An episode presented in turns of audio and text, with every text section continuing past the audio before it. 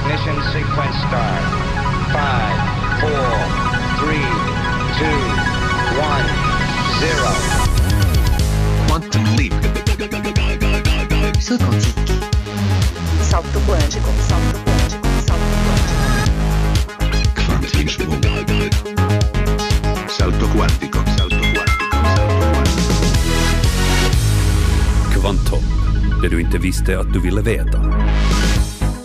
Nämen si goddag gott folk. Markus Rosenlund här och det betyder ju kvanthopp i ditt öra.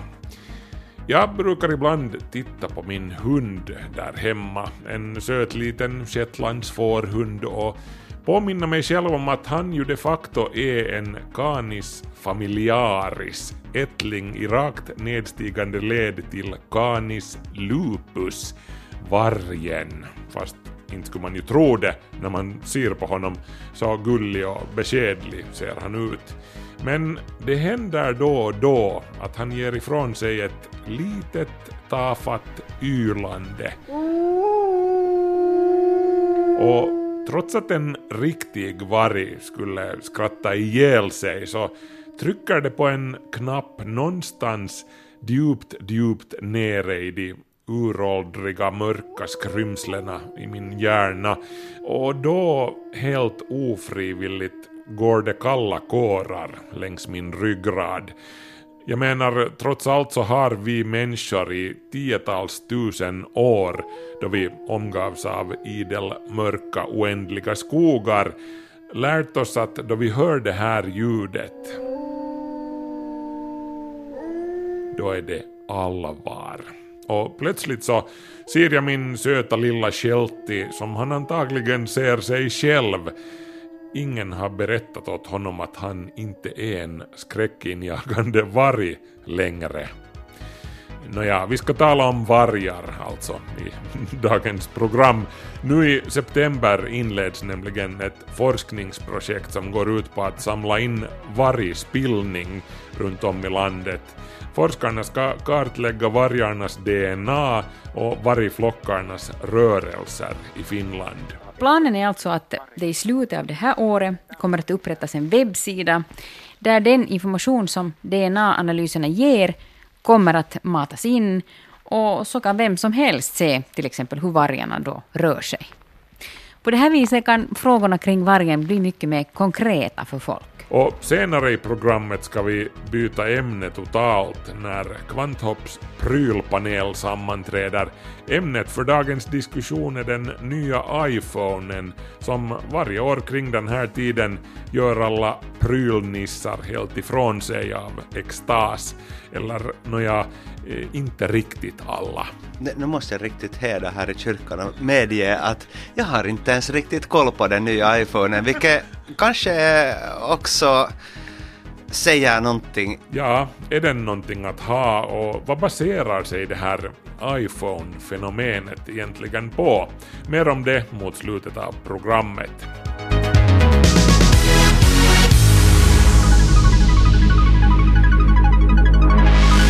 Kvanthopp, snabela yle.fi.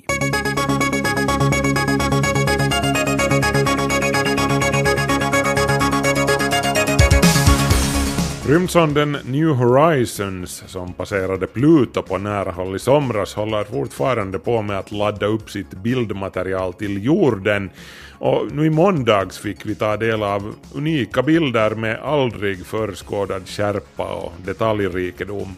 Ni hittar en länk på Kvanthopps Facebook-sida. Eh, bilderna har en upplösning på 400 meter per pixel, alltså varje bildpunkt motsvarar 400 meter på Plutos yta. Och det är redan så pass bra att man kan se vilken förvånansvärt varierande och dynamisk liten värld Pluto är. Eh, Bland alla berg, dalar och slätter och glaciärer så kan man se någonting som ser ut som sanddyner eller snödyner och det skulle vara helt oerhört, säger en forskare som tähdet ett Avarus citerar.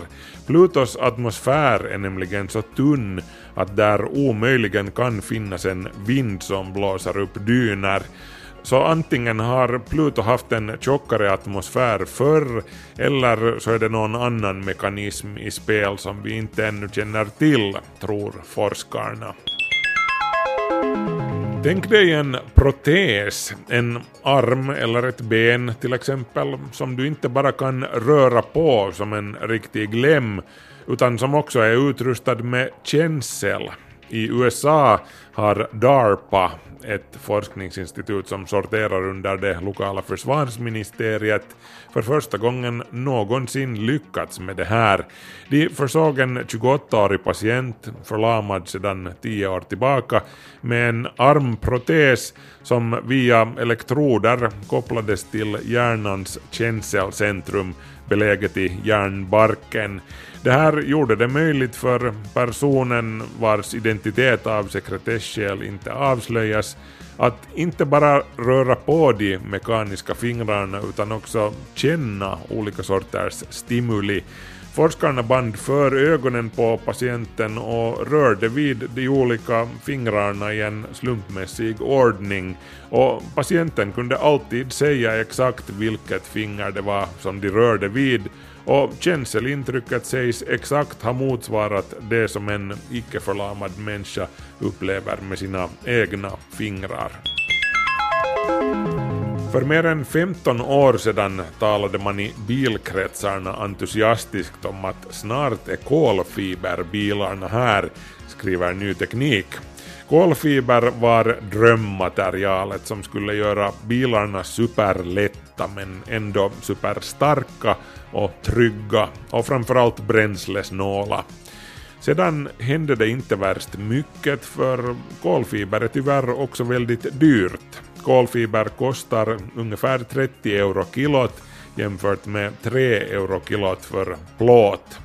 Kolfiber är också svårberäknat och rätt ohanterligt. Och så länge som bilindustrin inte hade någon tvingande orsak att frångå stål som material så fortsatte de med den tunga men billiga plåten. Men nu har biltillverkarna insett att om de ska möta framtidens utsläppskrav så har de inget val. Speciellt som framtidens elbilar bär på tunga batterier så måste karossen vara så lätt som möjligt men ändå hållbar och trygg. Och då kommer kolfiberkompositen att göra sitt stora genombrott slutligen, tror Malin Åkermo, forskare och lektor vid KTH, Kungliga Tekniska Högskolan i Stockholm, som Ny Teknik har talat med. Men många problem måste lösas innan det här kan ske. Själva kolfibrerna måste bli billigare att tillverka och robotarna på fabrikerna måste lära sig att hantera det nya materialet. Hela det löpande bandet på bilfabriken måste planeras om från början till slut och gamla arbetssätt måste ersättas med nya. Billigt kommer det här inte att vara men forskarna är optimister. Senast 2030 är lättviktsbilarna här, tror de.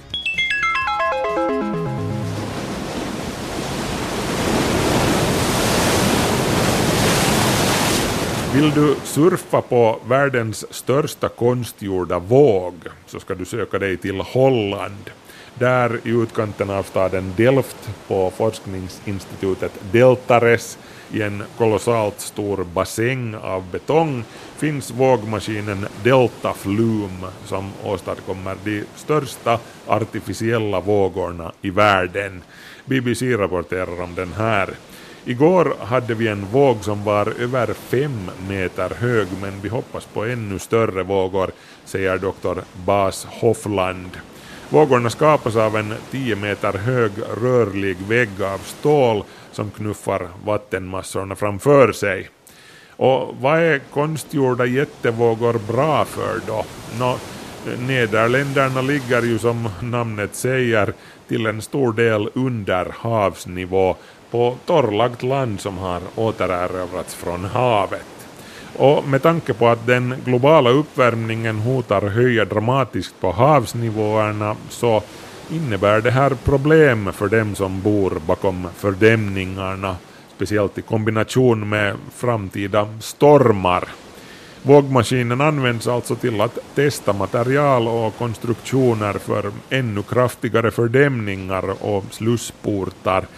Men jag undrar om de anställda kan låta bli att surfa lite efter stängningsdags.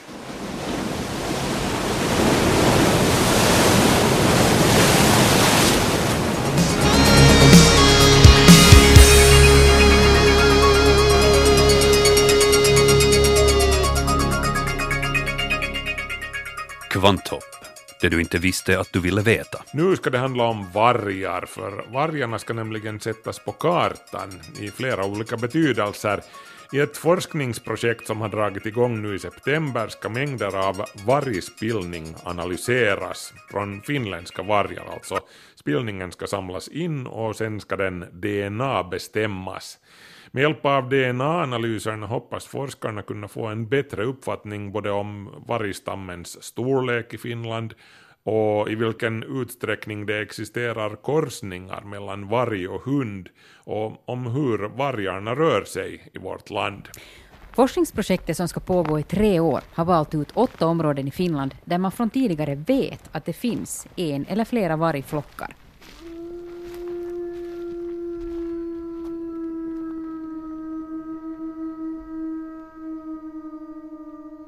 Och det är det här som söks. Suden uloste on, on ko- koiran ulosten kaltainen, mutta on se vähän suurempi ja, ja se on monesti hyvin tumma. Ja, ja se sisältää yleensä, yleensä voimakkaasti niin kuin karvapeitettä. Täytyy muistaa, että mitä se hirvi syö, äh, susi syö, niin se, on, se hirvi on yksi, yksi pääravinto. Ehkä Etelä-Suomessa peura siihen tulee mukaan ja joskus... Samuli Heikkinen vid Naturresursinstitutet är forskare i Uleåborg och ansvarig för projektet som Naturresursinstitutet Luke drar igång tillsammans med Finlands viltcentral. Samuli berättar att vargavföringen ofta är mörk, fränt luktande och hårig eftersom vargen kan jaga älg och hjort och de djurens pälsar syns i det som kommer ut. Det är i främsta hand jägare och andra som rör sig mycket i skogen som nu är ombedda att vara med i insamlingsprojektet. I Tenala, som är ett av de utvalda områdena, finns rovdjurskontaktperson Henrik Rehn från Tenala jaktvårdsförening. Han är den som ska ta emot prov hittade i Raseborgsområdet. Alltså det finns en vargflock som rör sig i, i det här Raseborg Salo-regionen.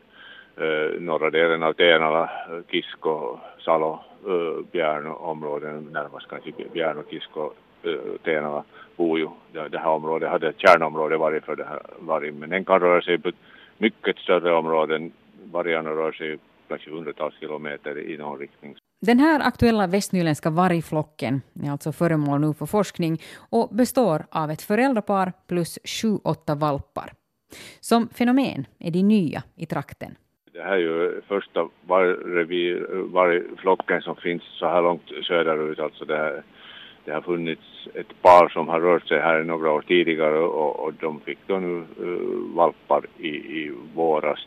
Så det är en ny etablering av ett vargrevir. Vargavföringsinsamlingen inleds i september och pågår till början av november. Hösten 2016 och 2017 gör man motsvarande uppföljningar. Ja, alltså i första hand nu så, så kommer jag att ta tillvara de här husen och frysa dem och ha dem frysta och sen skickas de småningom till Åbo universitet för, för undersökning. Ja. Precis. Samtidigt ska ju samlas in eh, basdata runt de här proverna också, att det, det, det ska finnas datumar och platser och, och så vidare och alla möjliga andra basuppgifter som vi försöker få in så, så att vi sen kan den här vägen också identifiera var, var det här avföringen hittas och så vidare för att sen kunna bestämma liksom, utgående från, från den här avföringen eventuellt hur de har rört sig och var de här vargarna huvudsakligen befinner sig och så vidare. Henrik Rehn vill betona att det i främsta hand är vissa utvalda som har i uppgift att hitta prover, så någon allmän insamling är det inte fråga om. Vi, vi kommer inte utse vissa personer som sköter det. det. Det är kanske det som är viktigt att få ut, att, att nu inte folk börjar ringa och hitta avföringar av alla möjliga djur och så funderar man, kan man ta det här tillvara? Det, det är inte så det ska gå till nämligen, utan det, det, det, det är klart att är man ganska säker på frågan, då kan man kontakta mig till exempel i den här frågan. Proven från alla åtta olika områden i Finland kommer sedan att skickas till Åbo universitet för analys. Det är för övrigt viktigt att få in tillräckligt många prover, cirka 35 per flock, För det är lätt hänt att DNA förstörs i ett prov, förklarar Samuli Heikkinen vid Naturresursinstitutet. Että se uloste on ollut liian kauan lämpimässä auringonvalossa, joka tavallaan tuhoaa siitä pinnalta, siinä pinnalla olevaa DNAta pois. Solljus och värme förstör lätt DNA på ytan och därför ska ett avföringsprov frysas så snabbt som möjligt efter att det har upptäckts i skogen.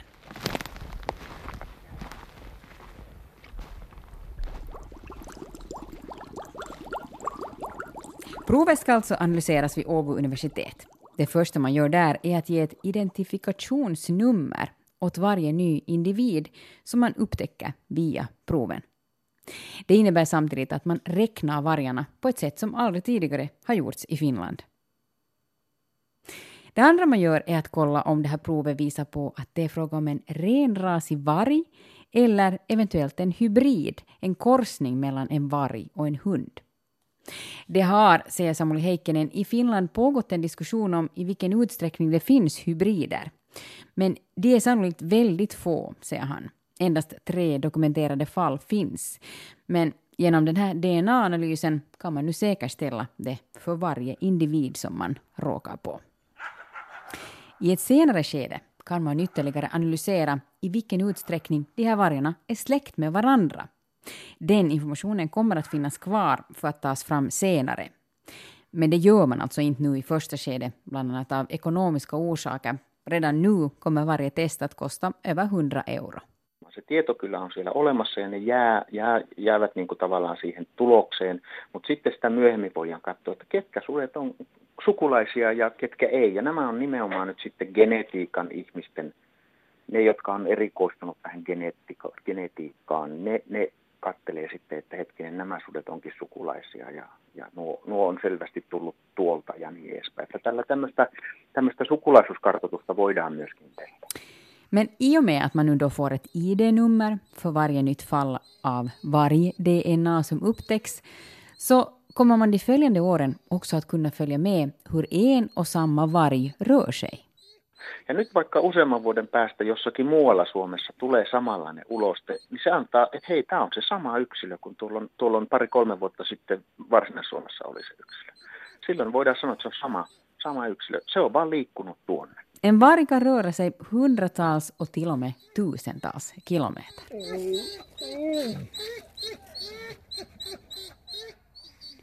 Ytterligare en sak som är viktig i det här projektet, som alltså ska pågå i tre år och där man tar nya prover både 2016 och 2017, är att informationen om vargarna ska nå ut till befolkningen. Meillä on tarkoitus tehdä internetsivut, jossa näitä tietoja voi käydä ihan vapaasti kansalainen katsomassa. Ja tällä tavalla se ehkä avaa, avaa tätä susiproblematiikkaa ja, ja kanta-arviota. Planen är alltså att det i slutet av det här året kommer att upprättas en webbsida där den information som DNA-analyserna ger kommer att matas in och så kan vem som helst se till exempel hur vargarna då rör sig. På det här viset kan frågorna kring vargen bli mycket mer konkreta för folk. På samma linje är Henrik Rehn vid Tenala jaktvårdsförening. Mm, vi hoppas ju att folk ska få en viss kännedom om, om liksom en social kanske trygghet, ska vi säga också samtidigt man vet att hur de här vargarna rör sig och var de kanske befinner sig och så vidare, att, att det ger en känsla av att, att det, man försöker åtminstone göra så gott det går att få fram den här informationen om, om de här djurens rörelser och beteende och på det sättet kan skapa sig en bild av, av de här vargarnas rörelser och beteende. Det var Ulrika Fagerström som var reporter i det inslaget. Nu är det dags för prylpanelen här i Kvanthopp.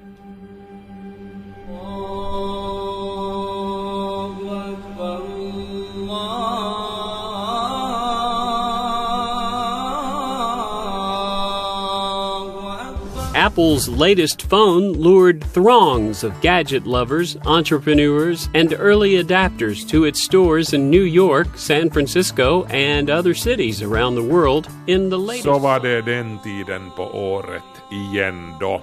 Böneutropet från Cupertino i Kalifornien går ut över världen och miljontals aj-troende söker sig lydigt till butikerna med det lysande äpplet på dörren. Halleluja, den senaste uppenbarelsen av iPhone är här.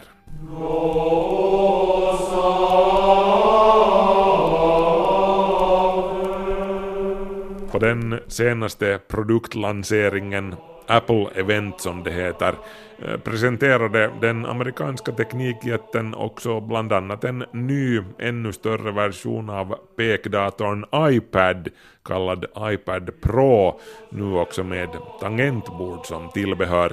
Men kvällens kärna, den där lilla bekanta rektangeln av glas och aluminium som för oss finländare alltid kommer att vara känd som Nokia-dödaren, vad innehåller årets modell, kallad 6S för nytt då? Tja, no, Apple har ju alltid varit bra på att sälja halvljummen teknik inpackad i snygg design. 700 miljoner exemplar av iPhonen har de sålt redan sedan år 2007 och också årets modell väntas gå åt som smör i solsken. Lite snabbare processor finns det här, tryckkänslig display, det har alltså en viss betydelse hur hårt du trycker. 4K-video finns här och så lär den inte ska vara lika lätt att böja som fjolårsmodellen som hade en viss tendens att börja likna en banan om man råkade ha den i bakfickan när man satte ner sig.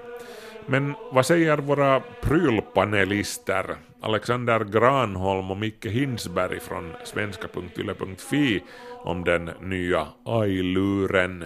Jag måste säga att ovanligt lite nya grejer var det i år så att på det sättet var det en liten besvikelse. Men sen igen är det ju, det har ju blivit så att vartannat år kommer de här S-modellerna som ju har blivit lite sådär att vi bara gör en liten förbättring av föregående års modell så att vi har inte med så mycket revolutionerande grejer där. Men äh, lite, någonting mera sånt här nytt och fint vad gäller iPhonen så skulle de ju nog kunna komma med. Nu måste jag riktigt häda här i kyrkan och medge att jag har inte ens riktigt koll på den nya iPhonen, vilket kanske också säger någonting i sig, för jag tror att jag nog faktiskt har följt med rätt noggrant hittills och, och det där, jag har både en iPhone och en Android, men, men det där det, det känns helt enkelt inte så relevant längre att, att vilka eventuella förnyelser där. För mig är det främst ett arbetsredskap som fungerar tillräckligt bra som nu och jag kommer inte att uppgradera inom nära framstående framtid. Så jag känner säkert riktigt relevant, kanske för första gången någonsin. Mm. Apple måste ju nog få lite creds för att de har lyckats med att skapa ett världsomfattande kultfenomen kring vad som egentligen är en svart rektangel av glas och aluminium. Jag menar den har ju inte, inte egentligen förändrat sig värst mycket alls sen allra första början. Vad, vad är deras hemlighet? Varför, varför är de här prylarna så jäkla eftertraktade?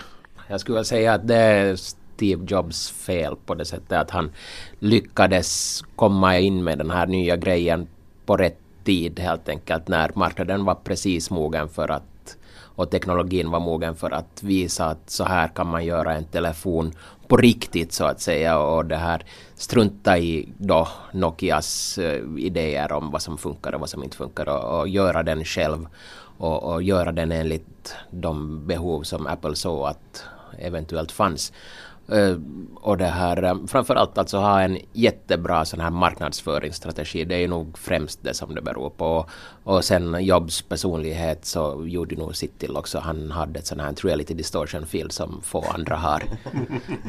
ja, och det där, no, no, designen är ju också en sak som, som också brukar nämnas som det riktigt centrala i Apples framgång egentligen med alla deras grejer. Och vi såg det ju i, i iPoden redan då före iPhonen kom att, att, att den var den första som gjorde en, en bärbar mediespelare sexig. Det var någonting som man verkligen ville ha. Det, det var en härlig användarupplevelse och, och det här samma lyckades de ju med också i iPhonen trots att den här första treans modell då var, var, så kom på marknaden så den var väldigt bristfällig på många sätt men, men den, var, den var skönt designad, den satt bra i handen. Den väckte ha-begär och jag tror att, att, att där ligger det just uh, i kombination med, med den här marknadsföringen som alla nämnde här och, och Jobs sätt att presentera det som om det är det mest fantastiska sedan mm färdigskuret bröd eller någonting så, så mm. det där. mm. Folk helt enkelt vill ha mm. grejer. De är glänsande, my precious, det, det är hela den där stuket. Ja. No, men, eh, nu har det ju gått några år sedan iPaden kom ut och, och det känns som att de inte egentligen skulle ha presenterat någonting riktigt revolutionerande sen dess. Nu kom det ut en, en stor iPad, en Maxipad eller vad man vill. För alla er som inte förstod det där, det är en hänvisning till kvinnliga intimhygienprodukter. Men- Och nu säger alla att, att nu har de nu har de rippat off Microsofts Surface Pro med tangentbord och allt. Eh, eh, har de nu verkligen använt upp all sin mojo eller vad säger ni? Nu känns det ju lite sådär, jag menar det som också har blivit väldigt så här delat här nu efter att Apple presenterade den här iPad Pro eh, var det här till exempel med att Steve Jobs själv sa att om du någonsin ser en stylus på en iPad-produkt så då har vi misslyckats. och, och det här, här har vi ju nu då Apple med sin Apple Pencil som is the best pencil ever enligt dem. Eh, och det här, jag vet inte vad skulle Steve Jobs säga om den biten. Och, och sen just så här med tangentbordet också som någonting som Steve Jobs också var väldigt mycket emot att han tyckte att man ska klara sig med det som finns på skärmen. Det var det som var hela filosofin med en iPad, att den ska inte ha några extra grejer utan den ska ha, du ska kunna sköta allting från den här lilla skärmen som finns. Och, och det här, nu är det ju som definitivt så att de har tagit efter de som, eller det som har lyckats i Microsofts Surface-grej med just ett sånt här hopvivat tangentbord. Och sen en stylus har ju funnits så länge som helst på Windows-sidan och sen och framförallt alltså Samsungs de här Galaxy Note har ju varit väldigt populära.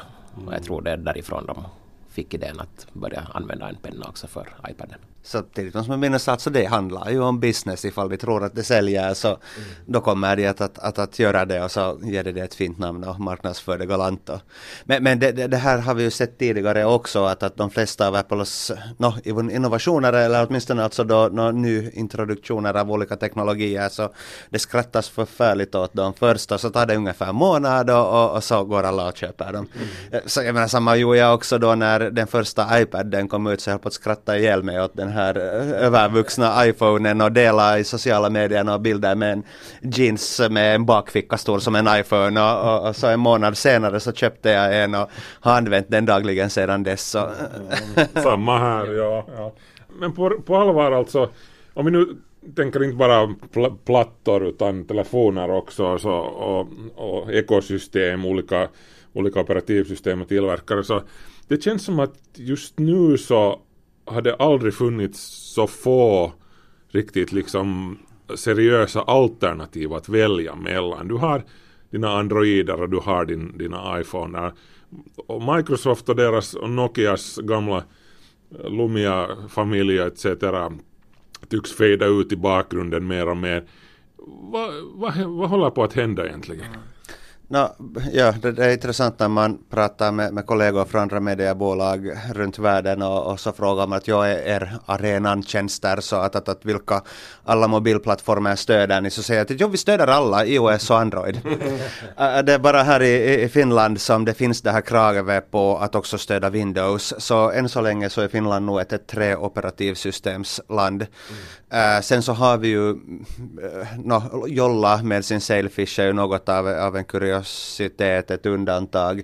Men, men det börjar vi ju se också, alltså olika versioner av Android. Um, det, det, det finns ju till exempel den här Blackphone som alltså marknadsförs som en sån här supersäker äh, telefon för alla de här som är rädda för att ens äh, eh, lyssna på deras samtal.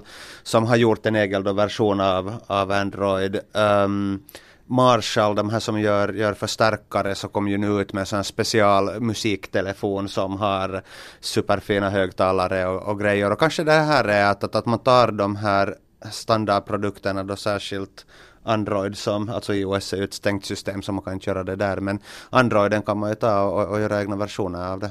Sen som utvecklare så är det ju jättesvårt sen att utveckla Android för att det finns som så oligt, väldigt många olika varianter. Och det är väl kanske dels alltså jag skulle tippa på att det är därför det egentligen finns bara två för att det blir så jobbigt att utveckla ännu fler varianter av, av samma så att man kan man gör till iOS för att det är enkelt och monolitiskt system där allting egentligen är exakt samma sak. Och sen har vi då Android som nog till 90 procent är ganska likadant. Men sen att börja utveckla till ett tredje system eller ett fjärde system så jag tror där tar orken och, och det här intresset slut att det känns inte som att du får tillräckligt med valuta för pengarna där att då få tillbaka det som du sätter in på det och därför blir det inte så mycket mer än Apple och, och Android som folk utvecklar till.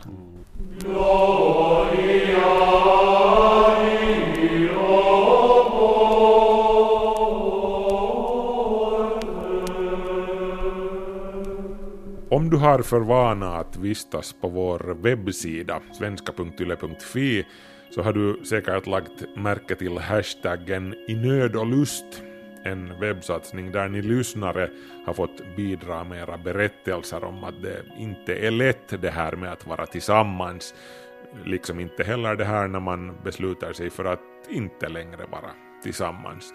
Mycket starka och berörande berättelser.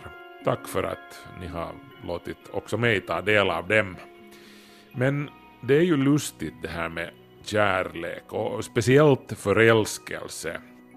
Hur det sist och slutligen handlar om kemi, att bli kär. Ja, no, ni vet hur det är, eller jag hoppas att ni vet hur det är när man går omkring som på rosa moln och talar osammanhängande och är sådär allmänt sett lite prillig.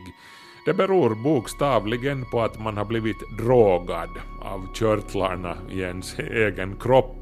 Svenska Yles Anki Westergård har skrivit en bra artikel om just det här i samband med I nöd och lust-kampanjen. Ni kan hitta en länk till den på Kvanthopps Facebook-sida.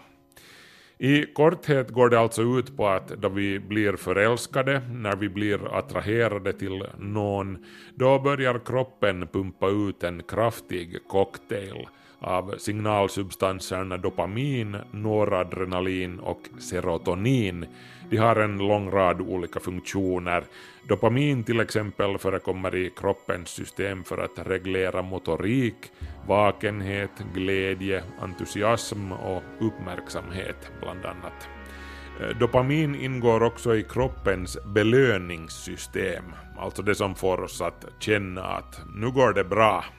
Och just det här belöningssystemet utnyttjas också av en lång rad välkända droger som till exempel kokain och amfetamin. De ökar på halten av dopamin i blodet genom att de minskar på dess nedbrytning. Det är därför som kokain är en partydrog Plötsligt är du Don Juan, Stålmannen och Ricky Martin i en och samma kropp tills drogens inverkan ebbar ut och då är det ju inte sen så roligt längre. Eh, låter det här inte precis som att vara kär? Jag träffade henne igår, hon är så perfekt för mig och vi ska gifta oss på söndag och skaffa elva barn och vi kommer aldrig att vara isär en endaste minut. Det låter ju lite som att vara drogad, eller hur? Det är just exakt på grund av att det i praktiken handlar om samma sak. Att vara hög på narkotiska substanser. Dopaminet orsakar lyckoruset, noradrenalinet gör att du har svårt att sova och tappar matlusten, medan serotoninet gör att du inte kan tänka på någon annan än henne eller honom. Men precis som med kokain och andra droger så vänjer sig kroppen med tiden vid kemikalierna och förr eller senare så biter inte kärleksknarket längre sisådär 18 månader kan det hålla i sig maximalt, men sedan märker vi att aja, inte var han eller hon sen så snygg heller som vi tyckte och, och vitsarna är inte alls roliga längre och, och var det här nu sen också ett misstag? Ja, no, men i bästa fall så har vi i det här skedet övergått till nästa fas som är kärlek. Och det är sedan ur en vetenskaplig synvinkel någonting helt annat. Då har vi sovit ruset av oss och då är det förnuft och eftertänksamhet som gäller. I bästa fall, som sagt. Nåja, vill ni läsa mer om det här så har Anki Westergård alltså skrivit en bra artikel på temat på svenska.yle.fi. Ni hittar den om ni googlar förälskelse är kemi eller via Kvanthopps Facebook-sida. Kvanthopp snabela yle.fi. Grundämnesserien står näst i turen här i Kvanthopp. Bara drygt tio grundämnen kvar och sedan har ni alla ingredienser som krävs för att tillverka ett universum. Nåja, faktum är att man skulle få ihop ett helt okej universum utan det mesta som kommer efter uran. Men jag är personligen lite förtjust i de här exotiska grundämnena med atomnummer på 100 och över. Inte minst på grund av att de ofta har fått sitt namn efter någon människa som har levt i modern tid, inte som koppar eller guld som folk har talat om i tusentals år med ungefär de namnen. Och hörni förresten, sedan när grundämnesserien är slut så ska jag inleda en ny långkörarserie om någonting. Eh, du hinner ännu vara med och påverka vad en sådan serie skulle kunna tänkas handla om. Skriv ditt förslag till kvanthoppsnabelayle.fi. Men nu är det alltså dags för universums innehållsförteckning. Kvanthopp presenterar en serie i 117 delar. Det som allt bygger på, eller våra grundämnen från BT till Unuoctium.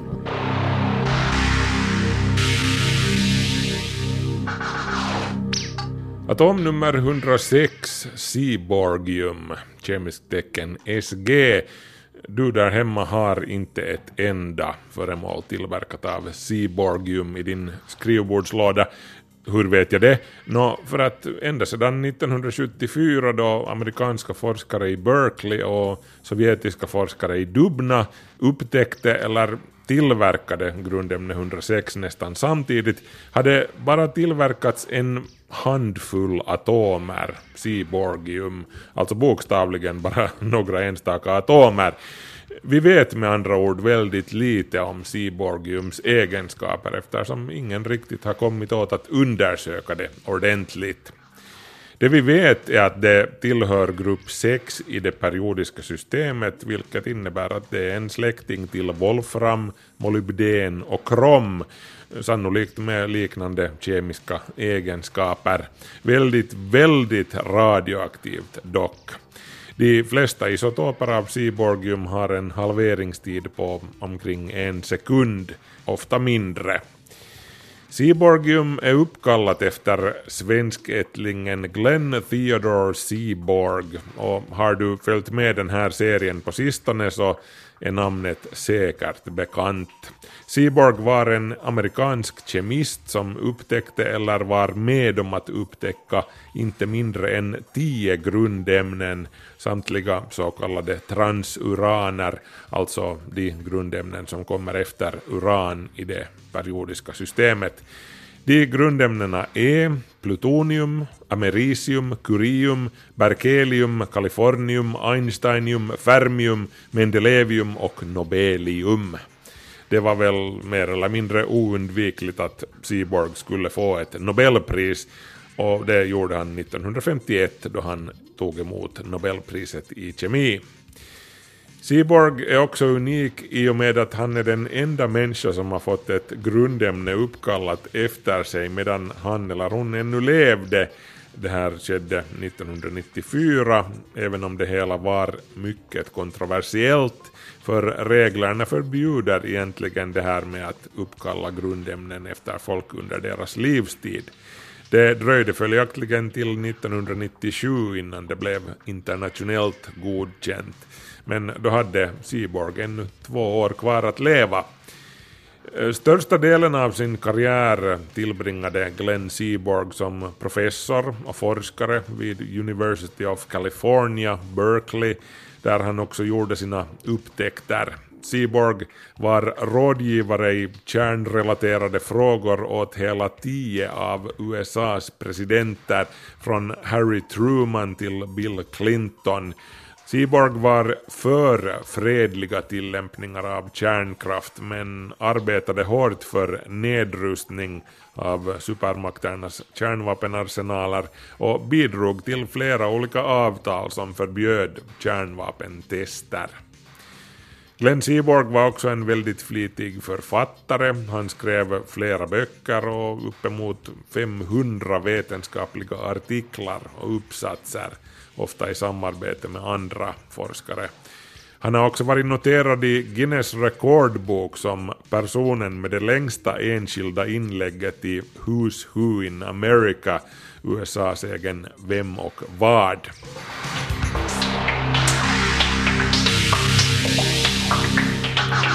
Du har hört del 106 i Kvanthopps serie om våra grundämnen. Nästa vecka borium.